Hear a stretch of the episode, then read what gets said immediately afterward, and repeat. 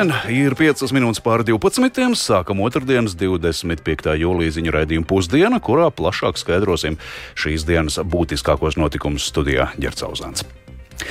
Rīgas domas koalīcijas frakcijas arī kārtējās sarunās līdz kompromisam nav nonākušas. Šodien domas jaunā kodola trīs frakcijas progresīvajiem piedāvāja parakstīt sadarbības memorandu, lai saprastu, vai līdzšinējā koalīcija paliks arī turpmāk. Plašāk par to gatavs stāstīt kolēģis Viktors Demidovs, kurš pievienojas pie mums studijā. Sveiks, Viktor! Sveicināti, labdien! Jā. Pastāst, kas tad šajā memorandā ir rakstīts un kā vispār noritēja sarunas?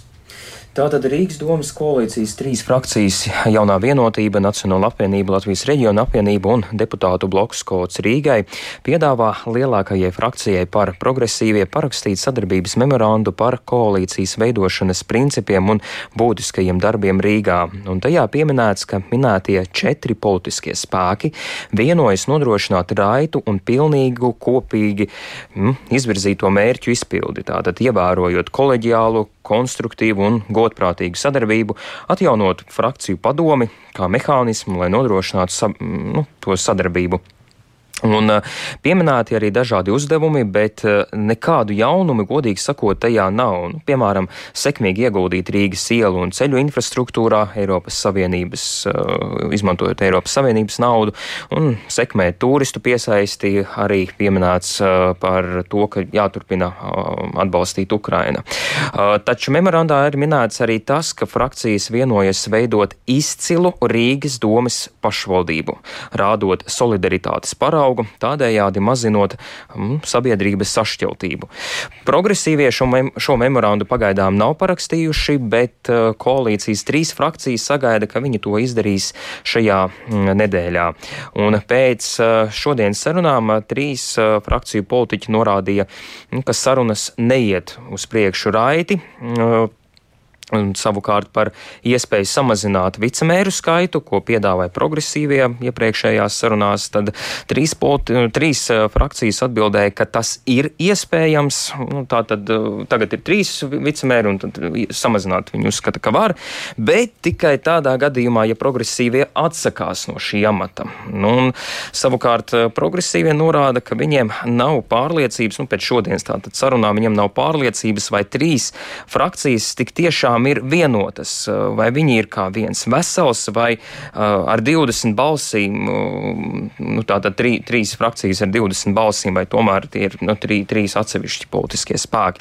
Ja runājam par sarunu turpinājumu, tad jā, tās gaidāmas šonadēļ, un kā arī atzīmē paši politiķi, tad tā, šī nedēļa būs ļoti intensīva. Piemēram, rītdien progresīvie tiksies ar jauno vienotību, un, un, un tad ar katru koalīcijas Uh, frakciju atsevišķi, bet uh, pēc šodienas uh, sarunām izskatās, ka nu, progresīvie palēnām zaudē to savu varu, nu, kas, kas bija viņiem līdz šim, un bumba tomēr tagad ir trīs frakciju spēkiem, un tad, tad, tad ja redzēsim, kā tas attīstīsies. Skaidrs, paldies, Viktor. Viktors Demidovs tātad par aktuālo Rīgas domas koalīcijas um, veidošanā un sarunās, kur tā arī līdz kompromisam arī šodien nav nonākts. Un par Rīgas varas maiņas peripētiem arī turpinām. Rīgas domē notikusi darba sabotāža, lai nevarētu pierādīt aizdomīgos ceļu remontu miljonu tēriņus. Tā par satiksmes departamenta disciplināru lietu iznākumu secina sabiedrība par atklātību Dalna.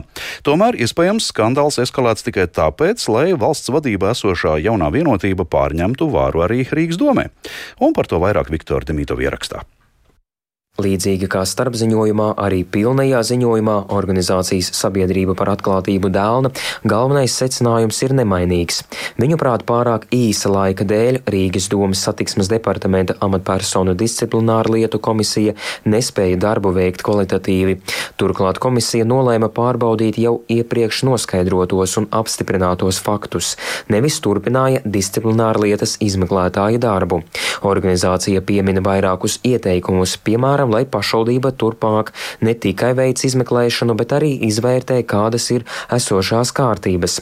Taču galvenais ieteikums ir par trauksmes cēlēju, kura dēļ tracis domē ir sācies, turpina biedrības direktore Inese Tauriņa. Lai arī šis dokuments tika iesniegts ar virsrakstu trauksmes cēlē ziņojums, ar to netika darīts tās darbības, kuras ir paredzētas gan trauksmes celšanas likumā, gan arī Rīgas domas iekšējos noteikumos. Līdz ar to tas viens no secinājumiem un ieteikumiem ir tiešām pievērst uzmanību tam, lai ik viena amatpersona saņemot kādu dokumentu, kur ir rakstīts šis trauksmes cēlē ziņojums, nekavējoties to nodot atbildīgajām personām, jo lai arī šajā konkrētajā iesniegumā nebija identificējams tā autors. Tomēr pastāv dažādi citi iemesli, kāpēc būtu svarīgi šo iesniegumu novirzīt pa šo trausmas celšanas ziņojumu izskatīšanas ceļu. Atgādinu, ka jūnija vidū dienesta pārbaudē konstatēja trīs būtiskus pārkāpumus ceļu remontu organizēšanā.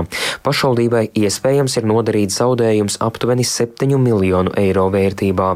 Disciplināru lietu pret satiksmes departamenta direktora pienākumu izpildītāju Jāni Vaivodu un satiksmes infrastruktūras pārvaldes priekšnieku Andreju Urtānu sāka Rīgas izpildirektora padomnieks Māris Knoks, kurš pirms tam dienesta pārbaudē pārkāpumus konstatēja. Taču vēlāk doma nobalsoja par speciālu komisiju, kas pārņēma darbu no Knoka, jo bija bažas par interešu konfliktu. Komisija nostrādāja vien vairākas dienas, pārkāpumus neatklājot, tāpēc Vaivots ar Urtānu atgriezās savos amatos. Izmeklēšanu novēroja arī Rīgas apkaimju alianse, kas trūkuma saskata katrai iesaistītajai pusei. Viņuprāt, sākotnējā izmeklēšana nenoritēja precīzi, un arī domniekiem nevajadzēja lietā iejaukties, lai izveidotu komisiju, turpina organizācijas vadītājs Māris Jansons. Šeit nav tāda lieta, kur ir uh, viena puse ir vainīga un otra puse ir baltais bruņinieks. Tur uh, abām pusēm. Es redzu kaut kādus trūkumus. Varbūt tas nav pat uh, par kaut kādu korupciju, bet vienkārši, nu, kā saka, personiski uh, viens otram nepatīk un risina lietas šādā kārtībā. Arī tādu iespējas pieļauju. Šī lieta Rīgas domas koalīcijā ir radījusi plaisu starp lielāko frakciju par progresīvajām koalīcijas trim pārējām frakcijām. Ieguvēji šajā lietā ir jaunā vienotība. Tā uzskata politoloģija un Rīgas Stradiņa universitātes profesora Ilga Kreituse, kura nesaprot, kāpēc domnieki ievēlēja izveidoja komisiju, kas nav spējīga pieņemt lēmumus. Es domāju, ka šī komisijas veidošana vispārībā bija neveiksmīgs progresīvo mēģinājums pierādīt savu taisnību, neizvērtējot līdz galam reālo situāciju, kāda ir. Es gribētu tomēr to visu saistīt ar tiem procesiem, kas notiek valstī ar valdības veidošanu un ar to, kāda ir šī attieksme pret to, kas notiek, kādi spēki būs valdībā, kas būs noteicošie, jo arī tas bija jautājums par to, vai arī jaunā vienotība pārņems Rīgas domu jau oficiālā amatā, nevis aizvietotājā, kas rada zināmas pretenzijas no citiem politiskajiem spēkiem. Bet tas ir manā uzturē šī izmeklēšana bija tikai viens no etapiem jautājumā, kas un kuras partijas Latvijā būs valdībā. Lietai ir pievērsies korupcijas novēršanas un apkarošanas birojs, kas atbildi sniegs ne agrāk kā pēc mēneša. Viktors Demidovs, Latvijas radio. Turpinām ziņu programmu Pusdiena. Darbu Rīgas pilī valsts prezidents Edgars Rinkevičs sācis ar pirmajām vizītēm Baltijas valstīs un Kraslovas novada apmeklēšanu. Visvairāk ailīšu darba kārtībā ir tikšanās ar dažādām amatpersonām. Tās vērtējams gan kā aktualitāšu apzināšana dažādās jomās, gan valsts prezidenta iespēja akcentēt kādus konkrētus uzdevumus. Un šīs dienas tikšanās aktuālais jautājums par problēmām iekšējās drošības iestādēs. Vairāk par to pastāstīs kolēģis Jānis Kīncis, kurš pievienojas tiešraidē. Sveiks! Jāni. Ar kuriem ministriem tad prezidents šodien tiekas? Sveiks, Girts, sveicināti radio klausītāji. Šo nedēļu valsts prezidents Edgars Rinkevičs sāka viesojoties valsts ugunsdzēsības un glābšanas dienesta atsevišķās nodaļās, un pēc to apmeklēšanas viņš atzina, ka valsts ārējā un iekšējā drošība nav atdalāmas, taču atšķirībā no aizsardzības jomas, kam pēdējos gados finansējums pamatoti un strauji audzēts, iekšlietu dienesti ir palikuši pabērna lomā, un par to liecina gan salīdzinoši zemais atalgojums, gan daudzviet nolaišanās nolietotā infrastruktūra. Un šis bija arī viens no galvenajiem tematiem šīs dienas tikšanās laikā ar iekšlietu ministru Māri Kučinski no apvienotā saraksta. Valsts prezidents ir informēts par iekšlietu ministrijas prioritātēm nākamā gada valsts budžeta kontekstā, kas skar arī iekšlietu sistēmas darbinieku atalgojumu, un Rinkēvičs ir paudis atbalstu tā palielināšanai. Tāpat prezidents arī mudinājis ministru uzdot eh, policijai stingri un principiāli vērsties pret sabiedriskās drošības un kārtības apdraudējumiem un arī naida noziegumiem, Tāpat šīs sarunas laikā prezidents arī paudz gatavību klātienē iepazīties ar Latvijas-Baltkrievijas un Latvijas-Krievijas robežas infrastruktūras būvniecību. Un sekojošā sarunā ar Tieslietu ministru Inesu Lībeņu Egneru no jaunās vienotības apspriežamo tematu lokā ir arī darbinieku trūkums ieslodzījuma vietās, par ko nozars vadība atgādināja nedēļas sākumā pēc pagājušajā svētdienā cietumnieka izlaicīgas izbēgšanas no Rīgas centrāla cietuma. Un pēc Rinkēviča teiktā pašlaik, kad notiek darbs, darbs darbs pie nākamā gada valsts budžeta izstrādes, ir īstais brīdis aktualizēt šos jautājumus. Tāpat jāatgādina, ka pēc valsts prezidenta Edgara Rinkeviča norādēm, stājoties amatā par prokuratūras un tiesas lēmumiem, nozaru vadība iepriekšējā nedēļā solīja sabiedrībai saprotamāk skaidrot lēmumus un, nepieļa, un pieļaut arī kādas iespējamas izmaiņas sodu piemērošanā. Un uh, politologs, Latvijas Universitātes profesors Juris Rozenvalds uzsver, ka šāda veida iesaisti no valsts prezidenta puses ir būtiska valsts augstākās amatpersonas iespēja uzlabot procesus un lēmumu virzību. Rinkēviča priekšgājēji amatā to pratuši izmantot dažādi, taču, tā, taču tagadējā valsts prezidenta aktivitāte ir labi pamanāma. Paklausīsimies politologu teikto.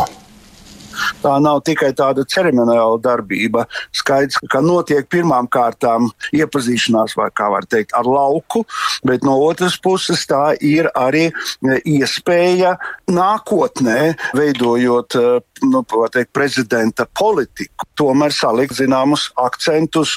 Prezidenta loma Latvijas politiskajā sistēmā, protams, nav izpildvaras. Nekāds izpildvaras prezidentam nav. Viņš var sasaukt ministru kabineta sēdes ar viņa paša noteikto kārtību, bet, manuprāt, tas būtiskākais, kas varētu būt prezidentam, tas ir patiešām veidot zināmu politisko lēmumu, arī izpildvaras lēmumu pieņemšanas kontekstu, liekot uzsvarus Un te vēl jāpiemina arī valsts prezidenta loma apskatot iespējamās izmaiņas valdībā. Rinkevičs jau ir izteicies, ka skaidrību šajā jautājumā sagaida līdz augusta vidum vai otrajai pusē, un līdz tam šajā procesā neiesaistīsies. Savukārt, saredzot partiju pārstāvju nespēju vienoties, gan būtu sagaidāma kāda rīcība, taču Rinkevičs aicināja neskriet notikumiem pa priekšu.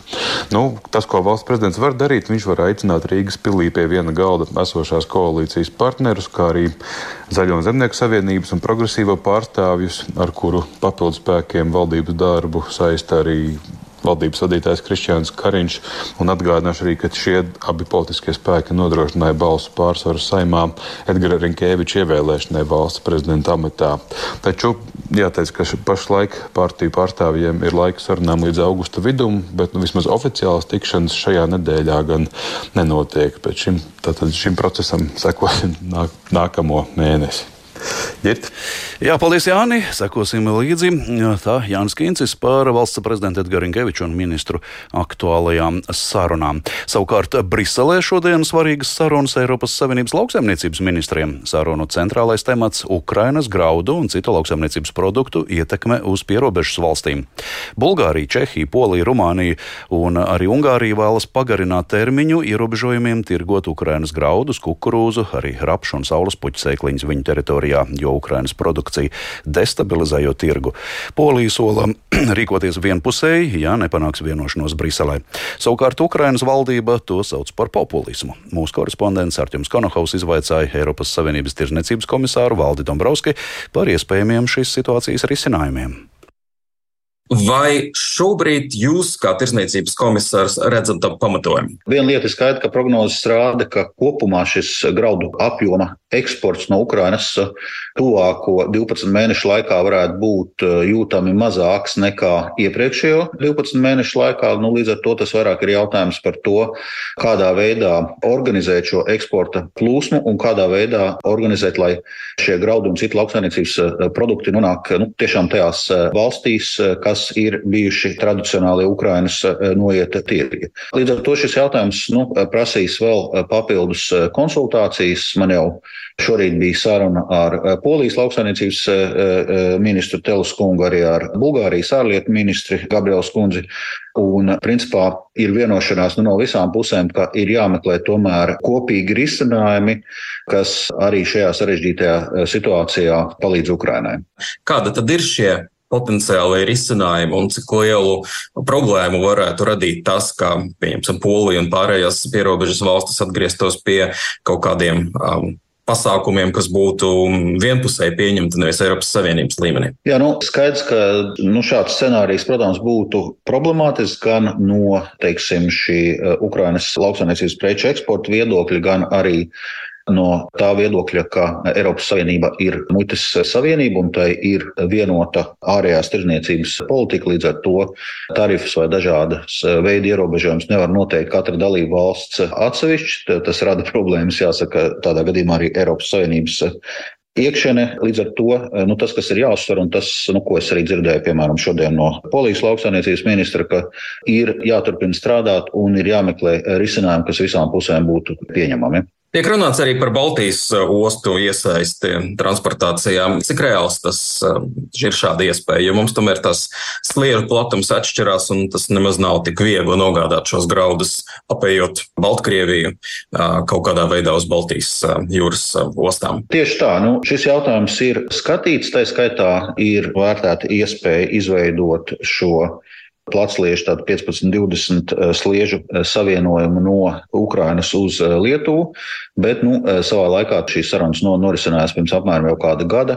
Šādā risinājumā nebija ieinteresētība no polijas puses, bet jebkurā gadījumā skaidrs, ka ir jāmeklē arī šie risinājumi, kādā veidā palielināt tranzītu koridoru kapacitāti un kādā veidā būtu iespējams iesaistīt arī Baltijas valstu ostas un vienlaicīgi, protams, palielināt kapacitāti jau arī esošajos koridoros, kur jāsaka, jāsaka, lielākais apjoms pašreiz iet pa Donavas upes koridoru. Un tematu par Ukraiņas graudiem turpinās kolēģis Rihards Plūme, kurš šobrīd pievienojies man studijās. Sveiks, Rihard! Jā, labdien! Eiropas Savienības pagaidu importa aizliegums Ukraiņas graudiem sagādā lauksaimniecības sektoram problēmas, un Ukraiņa paudus cerību, ka šis aizliegums netiks pagarināts. Kas tev sakāms par Ukraiņas nostāju? Jā, nu, Ukraiņa nebūtu nav apmierināta ar to, ka Eiropas Savienība ir noteikusi importa aizliegumu Ukraiņas graudiem, un to savā ikvakar uzrunā pieminēja arī Ukraiņas prezidents Valdemirs Zelenskis. Viņš arī pirmdien rīkoja tikšanos ar valdības amatpersonām un um, starptautisko attiecību uh, ekspertiem par Ukraiņas lauksaimniecības produktu eksportu caur Eiropas valstu teritoriju, un uh, paklausīsimies, uh, ko viņš teica jau pēc šīs tikšanās.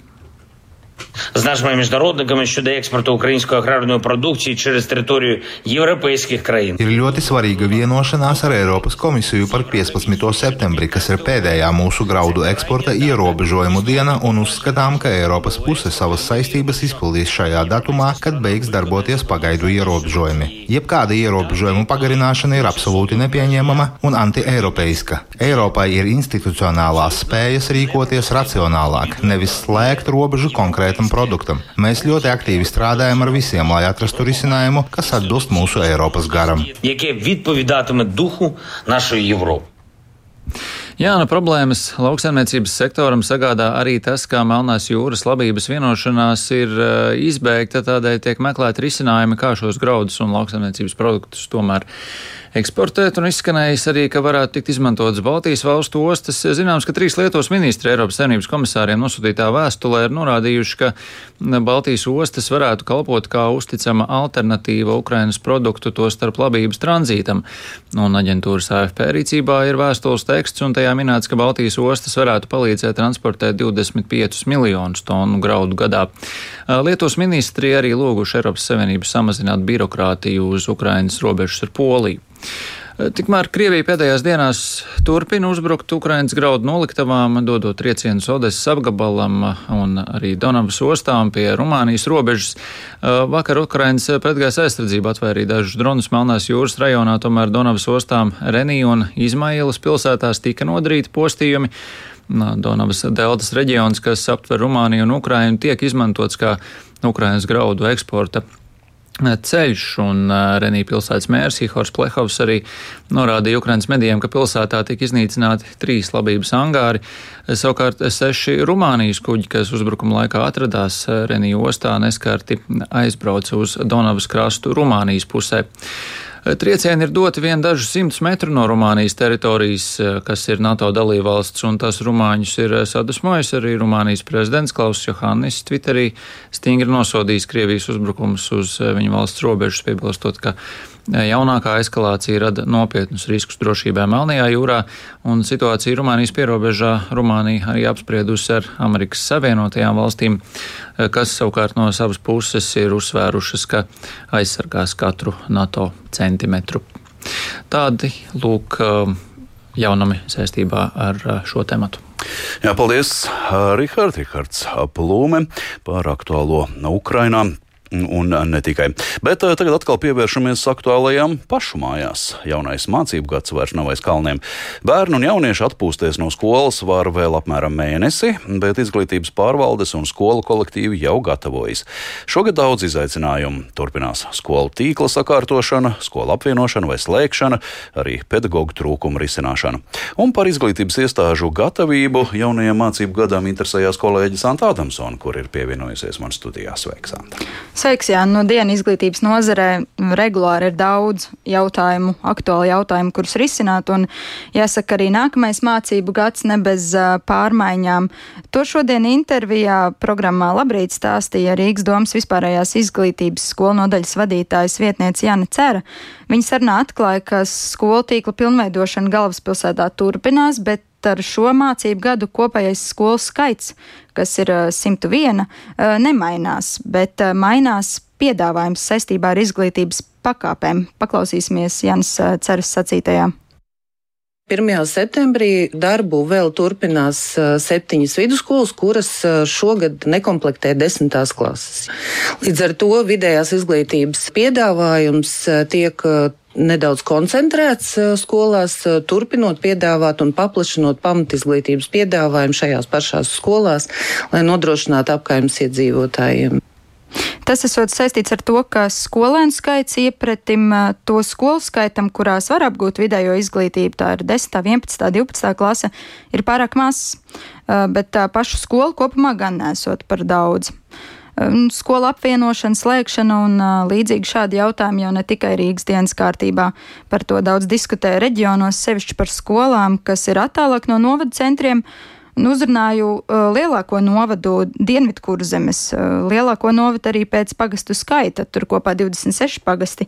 Un pēc publiski pieejamās informācijas pagājušā gadā kopumā novadā bijušas uh, šajā Dienvidkurzemes novadā bijušas 44 izglītības iestādes. Man izdevās sazināties ar uh, Gintu Kamperi. Uh, izglītības pārvaldes vadītāju Dienvidkurzemes novada pašvaldībā. Viņi teica, ka viņiem nekādas būtiskas pārmaiņas skolu pieejamībā šogad nav, bet uh, paklausīsimies. Nu, tādas zināmas bažas pastāv par to, kāds būs augusts. Protams, gaidām to, kādi lēmumi, kādi noteikumi tiks saistībā ar skolu tīklu optimizāciju pieņemti valsts līmenī, jo tas, kā šobrīd tas virzās uz priekšu, it īpaši jau tā ar pamatskolas posmu, ja šie te noteikumi tiek virzīti un netiek mainīti, kādi viņi ir šobrīd, tad uh, es neteikšu, ka šis mācību gads, bet droši vien jau, ka nākamais gads tas varētu radīt lielas pārmaiņas mūsu novadā, un mums būtu ļoti jāpārskata savus pamatskolu tīklus. Jā, var vēl tik iezīmēt, ka uh, kopā 44 izglītības iestādes šajā novadā un, un skolēnu skaits tātad uh, skolā ir 3,5 tūkstoši, nedaudz vairāk nekā 3,5 tūkstoši, un pirmskolas audzēkņi ir 1,5 tūkstoti. Uh, bet jā, Rīgas un Dienvidkurzemes izglītības pārvaldes uh, ne tikai par šo skolas tīklu uh, stāstīja un vērsa uzmanību, bet arī vēl citi jautājumi, kas līdz nu, 1. septembrim būtu sakārtojami. Ir arī nu, tādas varbūt vienkāršāki, kas ir jāpagūst remonta darbi uh, skolu izglītības iestāžu ēkās, un tad vēl arī skolotāja piesaiste uh, ko min kā tādu mūžam aktuālu jautājumu, pedagoģu trūkumu, un arī nu, dažas izglītības iestādes skar mm, šī pakāpeniskā pārēja uz mācībām tikai valsts valodā, bet uh, par to plašāk es varēšu pastāstīt programmā pēcpusdienā. Labi, paldies Sandra Santātomsona par aktuālo situāciju skolās un pašvaldībās gaidot jauno mācību gadu. Līdz ar to izskan redzējums pusdiena. Tā producents Edgars Kopčs, ieraksts montēja Huldis Grīnbergs, par labskaņu rūpējās Katrīna Bramberga un ar jums sarunājās Ģerts Auzāns. Vēl atgādināšu, ka redzējumu pusdienu var klausīties arī svērtā laikā Latvijas radio mobilajā lietotnē, meklējot dienas ziņas. Un Latvijas radio ziņām var sakot līdzi arī sabiedrisko mediju ziņu portālā LSMLV un sociālajos tīklos. Yeah.